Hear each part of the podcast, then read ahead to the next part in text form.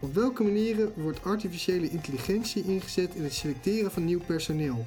Wat is er nieuw ten opzichte van meer traditionele selectiemethoden? Welkom bij de Nationale Data Podcast van Verdonk, Klooster en Associates.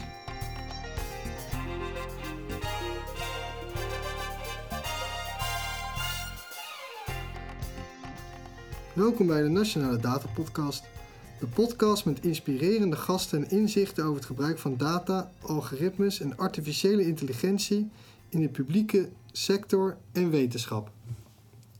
Mijn naam is Stefan de Blij. Mijn gast is vandaag, uh, vandaag is Marise Born. Je bent hoogleraar personeelspsychologie aan de Erasmus Universiteit. En je hebt ook nog veel nevenfuncties. Wij kennen elkaar al een tijdje. Uh, in 2016 ben ik bij je afgestudeerd voor de Master Arbeids- en Organisatiepsychologie op het uh, onderwerp hoe selectiepsychologen tot een oordeel komen tijdens een, uh, tijdens een assessment. Dus we kennen elkaar een uh, tijdje, dus fijn dat we hier zitten bij elkaar vandaag. Um, zou je iets kort kunnen vertellen over het vakgebied van selectiepsychologie? Ja, vind ik ongelooflijk leuk om daar wat over te zeggen. En ook vooral omdat selectiepsychologie een van de oudste en belangrijkste toepassingsgebieden van de psychologie is. En uh, ja, het heet echt met nadruk selectiepsychologie en niet bijvoorbeeld personeelspsychologie. Mm -hmm.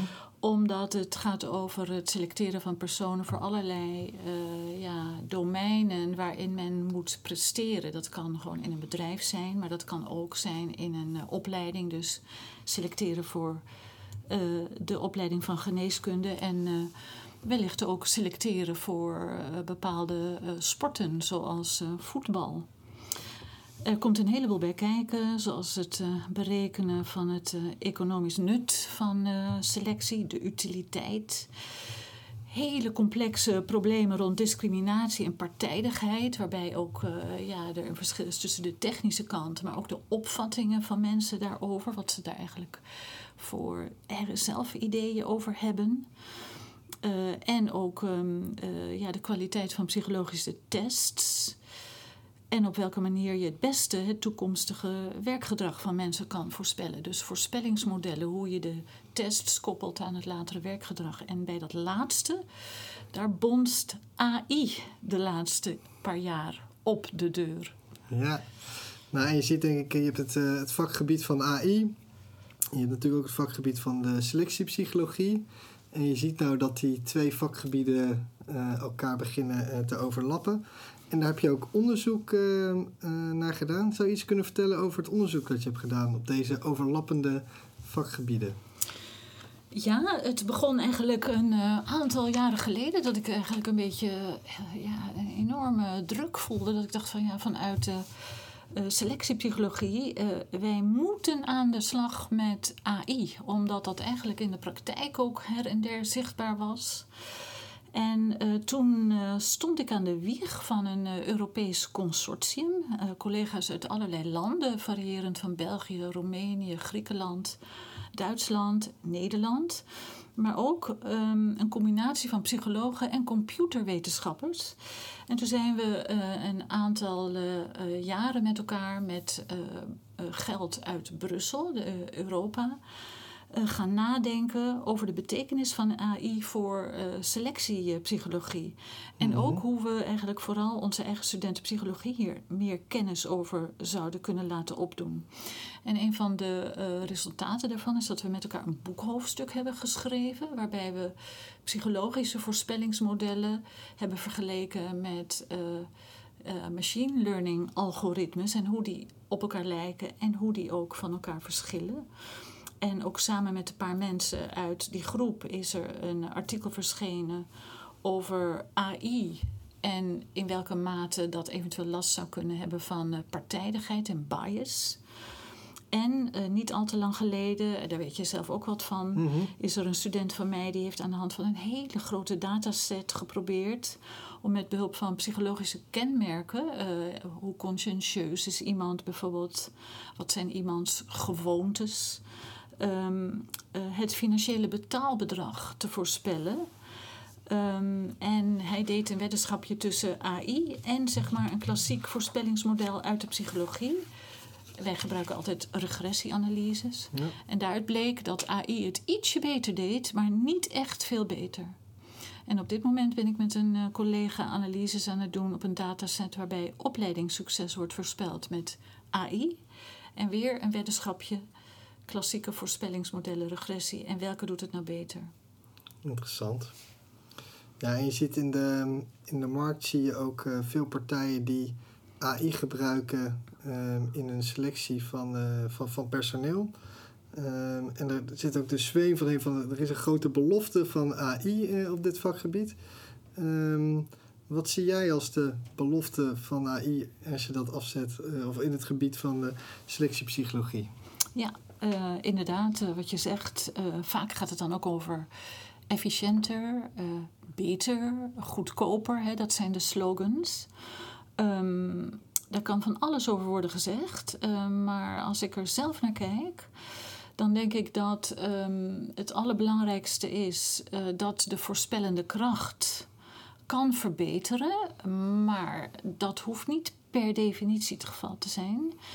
En wat ook eh, eh, wetenschappelijk interessant is, eh, daar ja, sprak die student ook over in zijn thesis. Die zei van het kan heel goed zijn dat AI ehm, eh, bepaalde combinaties van voorspellers, van tests, op het spoor komt, die eigenlijk ehm, door misschien de psychologen, de experts, de assessoren, de, de, de, de adviseurs eh, eigenlijk niet eerder bedacht waren. Dus die kan eh, waarschijnlijk om eh, uit misschien hele ingewikkelde ehm, eh, ja, algoritmes die wij eigenlijk niet goed eh, begrijpen als mens, toch je misschien theoretisch op een bepaald spoor zetten eh, waarin eh, er een interessante combinatie van voorspellers kan worden gebruikt. Ja.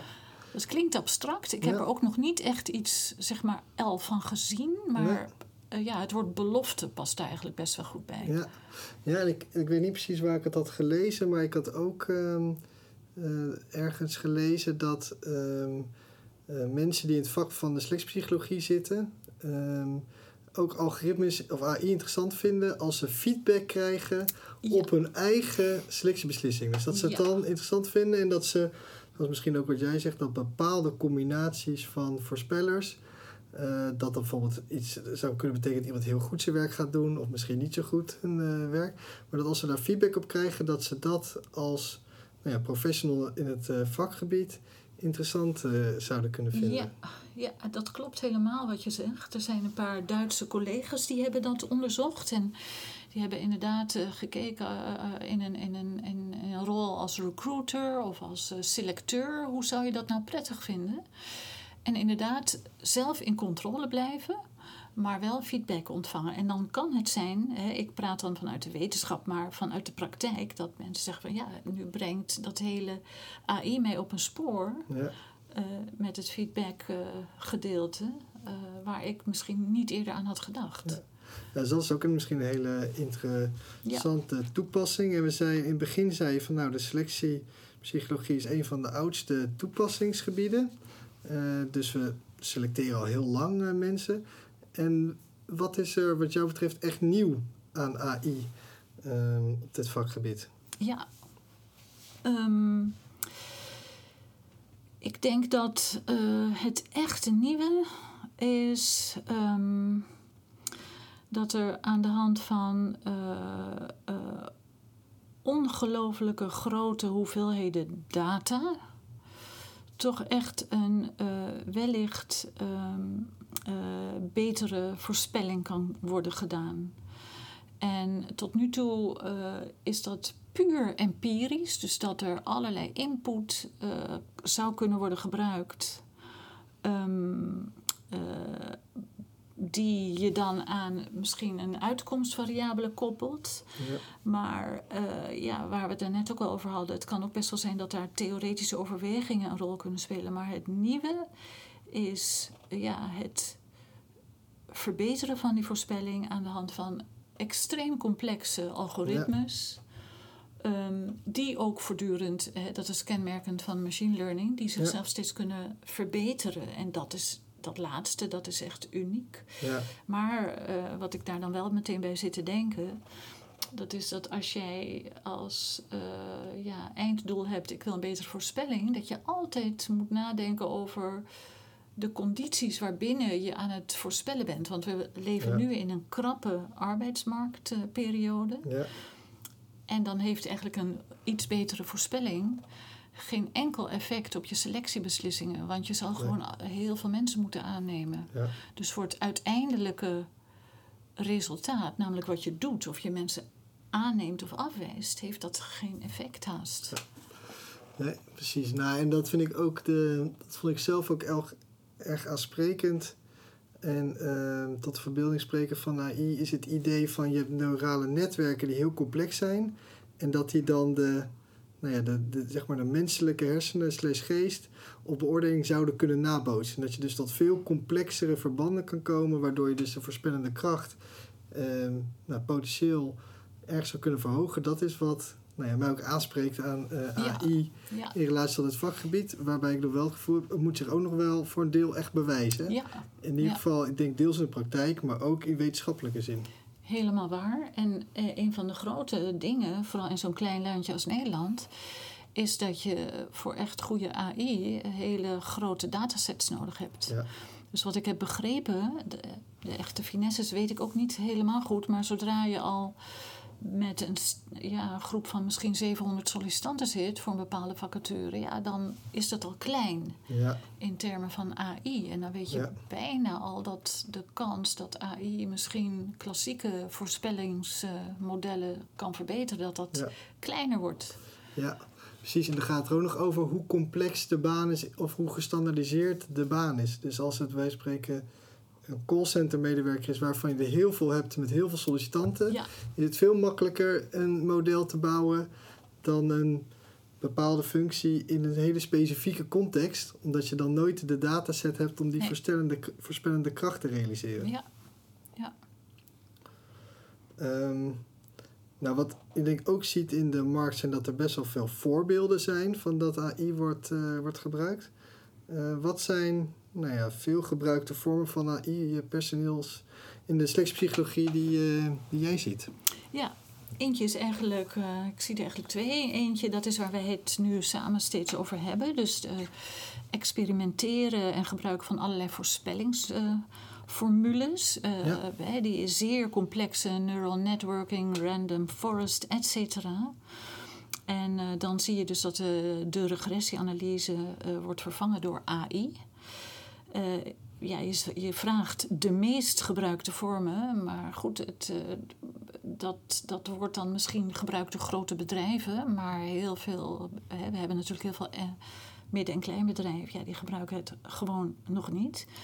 En het andere, dat, wat ik ook zie, dat is dat binnen moderne selectieinstrumenten, zoals game, gamification, hè, dus dat je in plaats van een intelligentietest klassiek echt een game moet spelen, waar dan je cognitieve vermogens mee worden gemeten. Virtual reality selectieinstrumenten, daar, dat daar binnenin een algoritme zit. Ja, En dat gebruikt dan allerlei informatie over eh, de kandidaat die dan zo'n game of zo'n virtual reality selectieinstrument aan het maken is. Het gebruikt dan allemaal informatie om dan tot een score te komen. Dus eh, hoe snel iemand eh, door de game gaat, eh, hoe. eh, ja, waar eventueel, als dat mogelijk is, waar iemand precies naar kijkt met eye tracking, misschien. en dat wordt dan allemaal gecombineerd tot een score. Dus die twee zie ik. ja. En als je die afzet tegen de meer traditionele ehm, selectieinstrumenten, welke, wat zijn dan de grootste verschillen die je daarmee ziet? Ik denk zelf dat, eh, als ik bijvoorbeeld nog even nadenk over het voorbeeld van het laatste voorbeeld van daarnet, Mhm. dat dan ehm, ja, de klassieke eh, selectie eh, eigenlijk niet of nauwelijks gebruik maakt van allerlei, wat we dan wel noemen, betekenisloze inputdata. Dus ja, iemands kijkgedrag of zo, waarmee ik bedoel dus eye tracking, waar fixeert je oog zich op, op een bepaalde stimulus of Je hebt er meerdere, ook micro-expressies of, ja. de, de, of de stukken tekst die je, die je produceert. eh, Ja. Natural language processing. Ja, Eh, ja dat, heb, dat ken je eigenlijk helemaal niet in de klassieke selectie. Nee. En ja, eh, AI dat pakt gewoon wat het kan pakken, eh, technisch gezien. En dat is echt een groot verschil. Dat wordt ook wel end-to-end eh, machine learning algo- algorithm eh, genoemd. Dus Ja. pak maar de data die voor het grijpen liggen. En vaak zijn, is dat ook eh, pixels in een foto of zo, eh, wat, Ja. wat je van iemand toevallig op het internet ziet. Of een of andere analyse van iemands eh, LinkedIn-profiel of zo. Ja. Ehm, en dat is allemaal, zeg maar, in klassieke selectie wordt dat niet gebruikt. Hè? Het, het, het aantal spaties tussen woorden in iemands tekst. Of input waar wij niet eens als mens woorden voor hebben. Ja. Dat is een groot verschil. En het gaat natuurlijk wel ten koste ook van iets, zou je kunnen zeggen. Hè? Dus het gaat wel ten koste van ook uitlegbaarheid. Ja, Dus het, het wordt wel moeilijker om aan kandidaten uit te leggen ja, waarom de een het wel is en de ander niet als het over nou, jouw woorden betekenisloze inputdata gaat. Ja. Dus dat is wel even een kanttekening die we helemaal hier moeten waar. zetten, denk ik. Ja, ja. Een ander verschil, hè, je vraagt naar die verschillen, Ja. dat is ook het eh, enorme arsenaal aan algoritmevarianten. Nou ja, random forest en neural networking zijn er maar een paar. Terwijl, eh, eh, ja, klassiek, dan heb je misschien wat varianten in regressieformules. Ja, Maar that's it. ja, En dat is dus dat is ook een heel erg groot verschil. Wat er wel ook aan de hand is met AI, dat is dan aan de ene kant, je, je zei net zo, ja, ja, hoe zit het nou met, met de transparantie, de uitlegbaarheid van die betekenisloze informatie. En een ander, Mhm. ander ding is ook dat algoritmes die willen zich steeds verbeteren, dus die passen zich voortdurend aan als er nieuwe inputdata komen. Daar zit ook weer een ding eh, eh, aan vast. Want je kan je dan afvragen of zeg maar, kandidaten met de net wat oudere AI-variant, die nog niet is verbeterd, of die dan aan de hand van een andere formule zijn geselecteerd of afgewezen dan een badge nieuwe kandidaten. Ja. Dus dat is ook een ingewikkeld verhaal. ja, dat zit ook heel erg in de verantwoording. Hè? Dus hoe kan je uitleggen, en dus op basis van nou ja, welke versie van het algoritme heeft iemand geselecteerd. En het gaat zelfs nog verder. Het is dan ook nog zo dat de software packages waar die algoritmes in gebaseerd zijn, hebben ook verschillende versies. Ja. En een andere versie kan net een wat andere uitkomst hebben dan de versie daarvoor. Dus het gaat ook Ja. heel erg over package management. Ja. En dat, is, dat stelt hoge eisen aan de organisatie die het inzet om te kunnen verantwoorden eh, welke kandidaat op welk moment ehm, eh, geselecteerd is op basis van welke versie en package in het algoritme, omdat dat andere uitkomsten kan Ja. hebben. Dus het, ik denk dat het interessante is dat het enerzijds kan het winst opleveren en voorspellende kracht, maar daar moet je ook wel wat voor doen. Dus het kost Ja. ook wat, zou Ja. je kunnen zeggen, aan de andere Ja. kant. Ja. Het, eh, ja, wat jij nu net noemt, dat heeft heel erg te maken met eh, eh, ja, procedural fairness. Als er iets is wat ongelooflijk belangrijk is, is dat mensen wel het gevoel moeten hebben dat ze ja, eerlijk behandeld zijn Ja. en op eh, gelijke procedure. Dus dat is inderdaad heel belangrijk dat dat, ja, dat, dat veran- op een verantwoorde manier gebeurt. Ja, nou, helemaal eens. En welk voorbeeld eh, vind jij de meest interessante toepassing? Ehm, ja, we hadden het net eventjes over, jij noemde dat micro-gezichtsuitdrukkingen Ja. en eh, natural language processing. Wat ik heel interessant vind, is dat er allerlei mensen proberen om die betekenisloze informatie eh, te koppelen aan eh, dingen die eh, misschien wel betekenis hebben. Dus je ziet dat bijvoorbeeld collega's van mij die proberen dan ehm, eh, dat soort informatie te koppelen aan informatie over iemands persoonlijkheid. Bijvoorbeeld hebben die micro-gezichtsuitdrukkingen iets te maken met hoe extravert iemand is of hoe Mhm. eh, emotioneel stabiel iemand is. Ehm, dat vind ik heel interessant. Dat is ook interessant omdat daar natuurlijk ook eh, voor de selectiepsychologie best ook wel een ethische discussie aan vast zit. Want je kan je Ja. ook echt een beetje afvragen of kandidaten dan nog wel in control zijn Ja, en zich bewust zijn van de input die ze aan het leveren zijn. Willen zij dat wel? Willen Ja. wij dat wel? Ja. Dus dat vind ik ook gewoon vanuit een filosofisch-ethische kant heel interessant. En wat ik zelf ook interessant vind, eh, vooral omdat de selectiepsychologie zo eh, oud is, Mhm. dat is dat er een van de eerste ehm, eh, selectiepsychologische methodes eh, die bestond, dat is die van biodata, dus iemands levensloop. Ja. En eigenlijk honderd jaar geleden waren er al psychologen die zeiden: joh, pakken wat je pakken kan aan informatie over een kandidaat. eh, ja, wat, eh, hoe oud hij was eh, toen hij kon zwemmen, tot en met wat voor auto die voor de deur heeft staan. Ja. Maakt allemaal niet uit.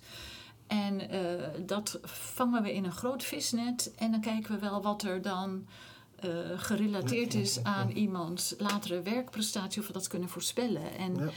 Tot op zekere hoogte ehm, vind ik eh, dat end-to-end machine learning daar wel een beetje op lijken. Ja. Dus, eh, terwijl je nu technisch veel en veel meer kan, omdat iemand ook gewoon digitaal aanwezig is in, Ja. eh, de, in, in, op deze aardbol. Ja. Dus die vergelijking die vind ik ook heel interessant. Inderdaad interessante toepassingen. En ehm, wij hebben al best wel wat gesprek gevoerd ook over dit onderwerp. We hebben recentelijk ook een gastcollege gegeven over, ehm, nou ja, ook over dit onderwerp. Ehm, en één nou ja, term wat vaak terugkomt in onze gesprekken is eh, begripsvaliditeit. En dat is ook denk iets te linken aan wat je eerder noemde, die betekenisvolle inputdata. Kan je iets vertellen wat je verstaat onder, het, eh, onder de term begripsvaliditeit? Ja, begripsvaliditeit is echt een, eh, een hele grote binnen de eh, selectiepsychologie. En eh, ja, als je dat probeert uit te leggen aan de hand van eh, klassieke psychologische tests of een selectiemethode, dan heeft die term betrekking op de vraag of zo'n test of een selectiemethode meet wat het pretendeert te meten en niet iets anders aan het meten is. Ja. Dus als er bijvoorbeeld wordt gezegd, deze test die jij nu gaat maken als kandidaat in deze selectieprocedure, eh, dat is een intelligentietest. Dan moet het ook aangetoond zijn dat het die betekenis heeft en dat die test dus echt intelligentie meet. Ehm, en in dat geval heeft die test begripsvaliditeit. Als je dan die begripsvaliditeit afzet tegen eh, waar we het net over hadden, die micro-gezichtsuitdrukkingen of die natural language processing. Ehm, ja, als je die tegen elkaar afzet, wat, wat zeg je dan? Dan zeg ik dat ik dat een hele goede vraag vind. en want die vraag, eh, ja, die, die, je kan je afvragen of er dan sowieso, eh, ja, anno nu, anno vandaag, of er al wel begripsvaliditeit is. Mhm. Als je het hebt over microgezichtsuitdrukkingen en eh, natural language processing. Of dat die er zal zijn in de toekomst. Ja, En eh, tot nu toe lijkt het echt vooral dat, eh, dat al deze zaken worden gemeten, omdat ze gemeten kunnen worden. Dus Ja. de techniek loopt voor op het hele idee van eh, begripsvaliditeit. ja, En ja, er zijn dus onderzoekers die al een tijdje op zoek zijn naar hun betekenis. Dus het is een beetje andersom. Van, Ja. We zijn iets aan het meten, we weten nog niet wat het is. Laten we eens gaan zoeken of het betekenis heeft. Ik ben daar heel nieuwsgierig naar. ja. En ik eh, zeg, eh, eerst zien eh, dan geloven in dit geval. ja, dat lijkt me ook heel terecht. En, nou ja, begripsvaliditeit is ook al van natuurlijk in een breder kader. Dat zeiden we ook tegen elkaar van dit soort nieuwe ontwikkelingen. ehm, en wat wil je dan nieuwe stu- studenten meegeven die over dit vakgebied nadenken? Toen we ook tegen elkaar, ja, dat, dat gaat echt over psychometrieën. Eh, dus ehm, daar denk ik begripsvaliditeit een onderdeel van. En eh, nou, vanuit jouw vakgebied en je hoogleraarschap, ehm, in hoeverre vind je dat dezelfde psychometrische eisen voor traditionele selectie-instrumenten gelden als voor meer de AI-gedreven selectieinstrumenten? Ja. Ongelooflijk eh, belangrijke vraag alweer. De psychometrie, ja, dat gaat over allerlei ehm, kwaliteitseisen die je aan tests moet stellen. Dus eh, is de test, eh, zijn de scores op een test zeg maar repliceerbaar? Dus betrouwbaarheid, die begripsvaliditeit valt eronder. Ja, Als je eh, ja, scores verzamelt van mensen op een test, ja, dan moet je ze ook afzetten tegen een bepaalde gro- groep normen, van hoe andere mensen het hebben gedaan, allemaal psychometrie. En ehm, ja, als ik aan AI-gedreven selectieinstrumenten denk, dan denk ik bijvoorbeeld aan waar we het er straks over hadden, gamification. Dus dat je dan aan de hand van een algoritme ehm, een bepaalde score op een game gaat eh, bepalen. Ja. Of dat je bijvoorbeeld kijkt, ja, voor zover dat toegestaan is qua privacy. eh, of je iemands LinkedIn-profiel op een of andere manier eh, ja, kan eh, meten en in een algoritme stoppen. Bijvoorbeeld hoeveel likes iemand heeft ontvangen, et cetera. Ja. En in al deze gevallen vind ik dat ze aan diezelfde psychometrische eisen moeten voldoen. Dus repliceerbaarheid, betrouwbaarheid eh, wil ik daarmee zeggen, begripsvaliditeit, idealiteit. Dus ik, ja, ik vind het zelf erg moeilijk om te zeggen van oké, we zijn klaar als het maar voorspelt, maar we hebben geen idee waarom. Eh, onpartijdigheid. En dus ook de kwaliteit van de steekproeven kandidaten. Ja. Die moet gewoon representatief genoeg zijn. De steekproefgrootte moet op orde zijn. Ja. gewoon allemaal worden beoordeeld. Ja.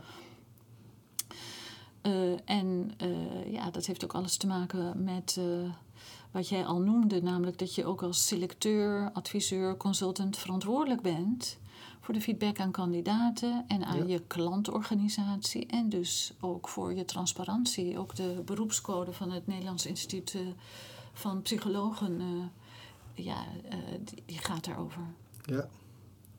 En, ehm, en, en welke eisen zou je willen stellen? Je hebt er al wel wat over gezegd. Maar zou je dat nog iets concreter willen maken van welke eisen moeten aan AI gesteld worden als we dat willen nee, gebruiken in de context van eh, selectiepsychologie? Ja. Eh, ja, die selectiepsychologie, dat is een echte high stakes situatie. Ongelooflijk grote belangen. Ja. Dus eh, daarom vind ik ook dat die eisen, eh, ja, echt eh, daar scherpe eisen aan moeten worden gesteld. En in dat verband ben ik echt een aanhanger van het eh, streven naar transparantie. En dan, ja, er zijn mensen die zeggen van ja, je moet eigenlijk een soort inspectie hebben. Hè? Dus Ja. niet elke kandidaat of elke persoon die kan überhaupt begrijpen misschien wat een algoritme precies inhoudt. Maar je kan je wel voorstellen dat er misschien een bepaald inspectielichaam bepaalde belangengroepen vertegenwoordigt. En dan kijkt of er een bepaalde vorm van uitlegbaarheid is. Hè? Er, er zijn veel discussies over van, nou ja, kan- kunnen we uitleggen welke inputdata en welke eh, uitkomstdata gebruikt Ja. zijn. En eh, eh, al kunnen we maar benoemen wat voor type algoritme dit was en wat de problemen en, en de, de, de, de, de, de eh, misschien aan dat type algoritme kleven of juist niet. Ja. En waar we het ook al over hadden, ja, die steekproefaantallen die moeten echt groot zijn voor AI. En vaak is het niet haalbaar in de praktijk als die steekproefaantallen klein zijn. En dat probleem dat wordt ook vergroot op het moment dat je een algoritme eh, zomaar gaat generaliseren. Dat noemde jij dus straks ook al, Ja. naar een andere situatie. Ja. Juist omdat algoritmes ehm, zo goed zijn in het, eh, ja, eh, in het verzorgen van een perfect zittend maatpak voor die, eh, voor die steekproef. En dat Ja. wordt ook wel overfitting genoemd. Het is te perfect. Want als Ja. het dan zo perfect past in een bepaalde groep mensen waar je hem hebt ontwikkeld, dan is de kans heel erg groot dat het niet gaat passen bij een andere groep. Ja. Ehm, nou, dan ehm, denk ik dat we ook echt veel meer aandacht moeten besteden aan de kwaliteit van de uitkomstmaten. De, Ja. In discussies met die computerwetenschappers. Die zeggen van ja, eigenlijk zijn eh, computerwetenschappers vooral bezig met welke algoritme eh, ga ik nu eens gebruiken. En de uitkomstmaten die zijn een soort van eh, gegeven. Hè? De klantorganisatie, nou ja, wat wil je dat ik voorspel? Ja. Maar die kwaliteit van die uitkomstmaten, die bepaalt ook de kwaliteit van dat algoritme. Even los Ja. van hopelijk hele goede eh, inputdata. Dus Ja. dat wordt volgens mij heel erg belangrijk om daar aandacht aan te geven. Ja. En ehm, ja, ik denk dat dat zo een aantal eisen zijn die denk ik wel specifiek uh, nog of extra gelden voor AI. Ja, precies. En dat is ook echt specifiek voor, uh, voor AI. En uh, ik wil je hartelijk bedanken voor dit uh, gesprek. We zijn weer aan het einde gekomen. Volgens mij hebben we veel besproken als het gaat over AI in de selectiepsychologie. Dus daar wil ik je erg voor bedanken. En een vraag die we aan iedereen stellen, en ik hoop dat je daar op hebt kunnen voorbereiden, is wie zouden we um, moeten of kunnen uitnodigen voor een volgende podcast? Jouw podcast uh, wil jij uh, laten gaan over AI? Ja. Specifiek? Of data? Um, ja. Er is een uh, dame die heet Marjolein Fokkema. En dat is een psychometrica die ook in de commissie testaangelegenheden zit van het NIP. En misschien vindt hij het wel leuk. Hartstikke goed. Hartelijk dank voor ons gesprek. Graag gedaan, Stefan. Hiermee zijn we aan het eind gekomen van deze aflevering van de Nationale Data Podcast. Bedankt voor het luisteren. Abonneren of terugluisteren van alle afleveringen van de Nationale Data Podcast kan via Apple Podcast, Spotify of je favoriete podcast app. Tot een volgende keer.